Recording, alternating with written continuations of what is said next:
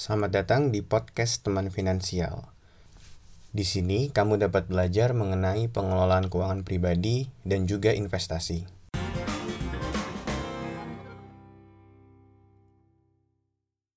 Halo semuanya, ketemu lagi sama aku di podcast Teman Finansial.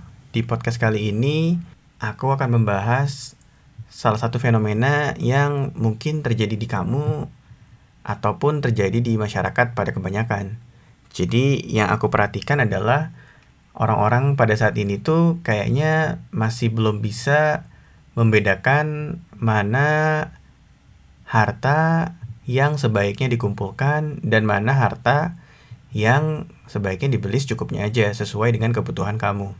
Yang aku pengen diskusi di sini tuh adalah kalau misalkan kita perhatiin nih, sekarang itu orang tuh lebih banyak fokus mengumpulkan harta benda yang sifatnya itu sebetulnya untuk konsumtif dan juga nilainya cenderung untuk turun. Misalkan orang itu lebih baik punya banyak kendaraan dibandingkan dia memiliki aset yang bisa menghasilkan uang yang lebih banyak. Padahal kendaraan ini merupakan salah satu jenis aset yang sifatnya tidak produktif dan kalau dalam cash flow keuangan personal seseorang itu cenderung untuk memperbesar pengeluarannya dibandingkan untuk menambah income-nya. Nah, dari permasalahan kayak gini tuh aku melihat mungkin orang-orang masih belum paham harusnya mengumpulkan harta tuh kayak gimana sih.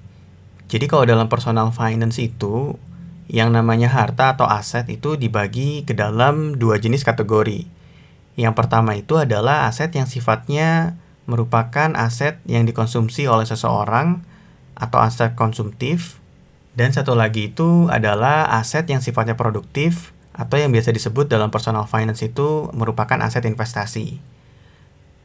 Kedua aset ini itu di dalam personal finance itu punya fungsinya yang berbeda dan mempengaruhi kesehatan keuangan dari seorang, di mana orang yang terlalu banyak mengumpulkan aset yang sifatnya personal atau konsumtif, keuangannya cenderung untuk tidak sehat karena dari waktu ke waktu aset personal tadi itu tidak bisa mengembangkan kekayaan yang dimiliki oleh seseorang. Sehingga dalam personal finance seseorang yang memiliki keuangan yang sehat itu ada rasio minimum 50% harta yang dimilikinya itu adalah aset investasi.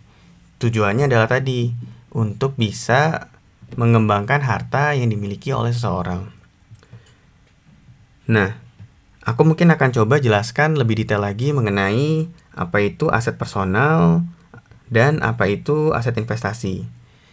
Jadi, Definisinya sendiri, aset personal itu adalah aset yang digunakan oleh pemilik aset tadi dengan tujuan konsumtif atau digunakan sendiri.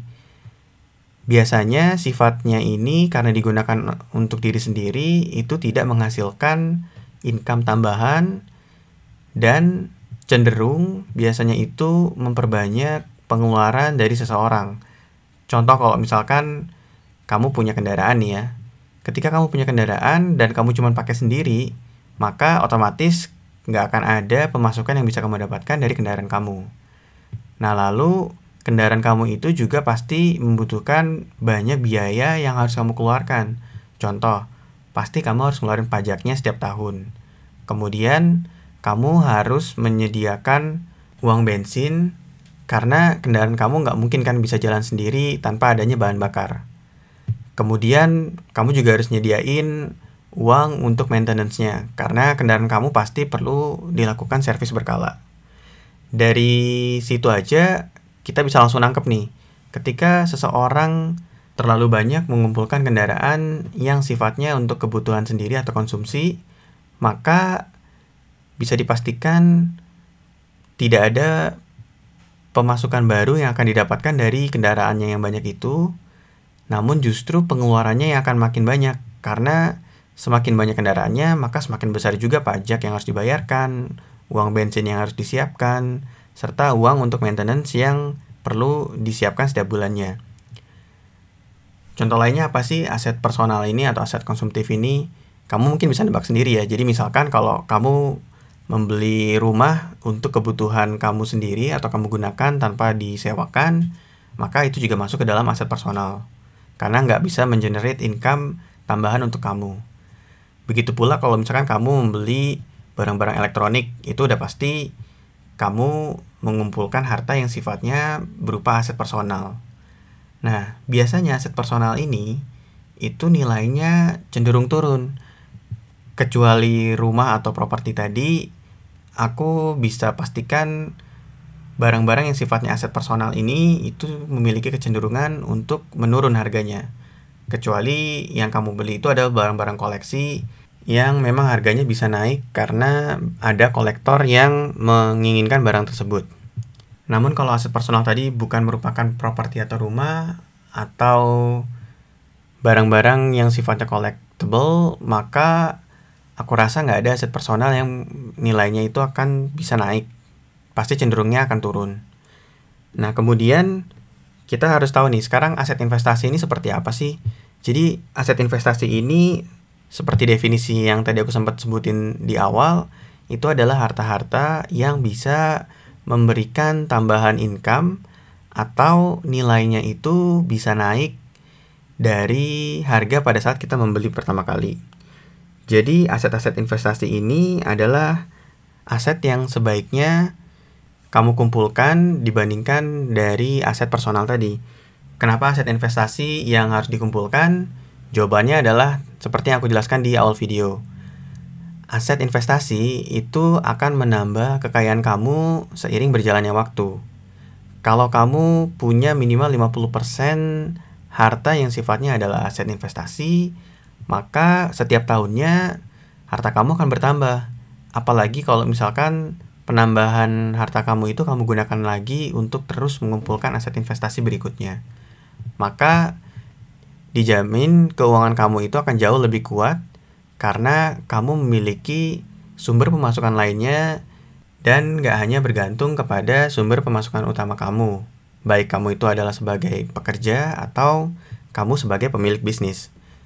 Jadi aset investasi ini merupakan hal yang penting sekali untuk dikumpulkan dan dikelola dengan baik.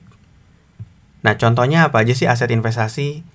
ada banyak banget sebetulnya aset investasi yang bisa kamu pilih.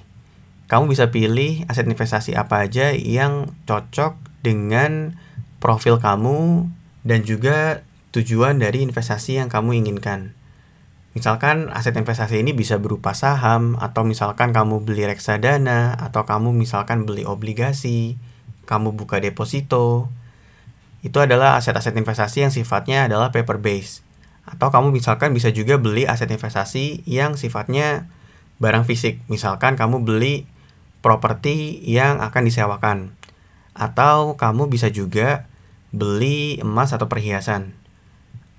Selain itu, di zaman sekarang juga kamu bisa mengumpulkan aset-aset investasi yang sifatnya digital. Misalkan kamu membeli cryptocurrency atau kamu bisa juga berinvestasi di peer-to-peer lending di mana kamu bisa mengembangkan dana kamu. Jadi pilihannya banyak banget dan menurut aku kamu harus fokus untuk mengumpulkan aset-aset investasi seperti tadi. Karena aset-aset investasi seperti tadi itu akan bisa membuat keuangan kamu tuh jauh lebih kuat. Nah, setelah penjelasan aku yang ini, sekarang coba kamu renungkan, kira-kira aset apa atau harta apa yang kamu miliki sekarang dan mana yang lebih banyak. Apakah aset-aset atau harta-harta yang sifatnya konsumtif atau personal atau harta atau aset-aset yang sifatnya investasi. Kalau ternyata aset investasi yang lebih mendominasi harta kamu, maka selamat kamu harus bisa mengelolanya dan mempertahankan komposisi tadi. Tapi kalau ternyata lebih banyak aset konsumtif yang kamu miliki, maka saran aku kamu bisa mulai mengevaluasi aset-aset konsumtif mana aja yang memang kamu butuhkan Kemudian kamu bisa pertimbangkan untuk mengkonversi aset-aset konsumtif yang kamu nggak butuhin untuk diubah menjadi aset investasi.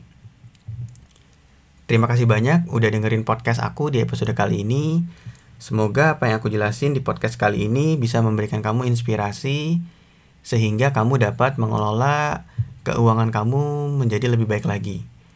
Kalau kamu mau mempelajari gimana cara mengelola keuangan maupun cara berinvestasi, kamu bisa juga cek video-video yang ada di YouTube channel aku di Teman Finansial. Aku udah share beberapa video yang mungkin bisa membantu kamu dalam mengelola keuangan dan juga berinvestasi. Jadi jangan lupa untuk subscribe YouTube channel aku ya. Kalau kamu ada pertanyaan lainnya, kamu bisa DM aku di Instagram ataupun di TikTok @temanfinansial aku akan bantu menjawab pertanyaan-pertanyaan kamu sehingga kamu menjadi lebih mahir lagi dalam mengelola keuangan kamu dan juga berinvestasi. Sampai ketemu di podcast episode selanjutnya.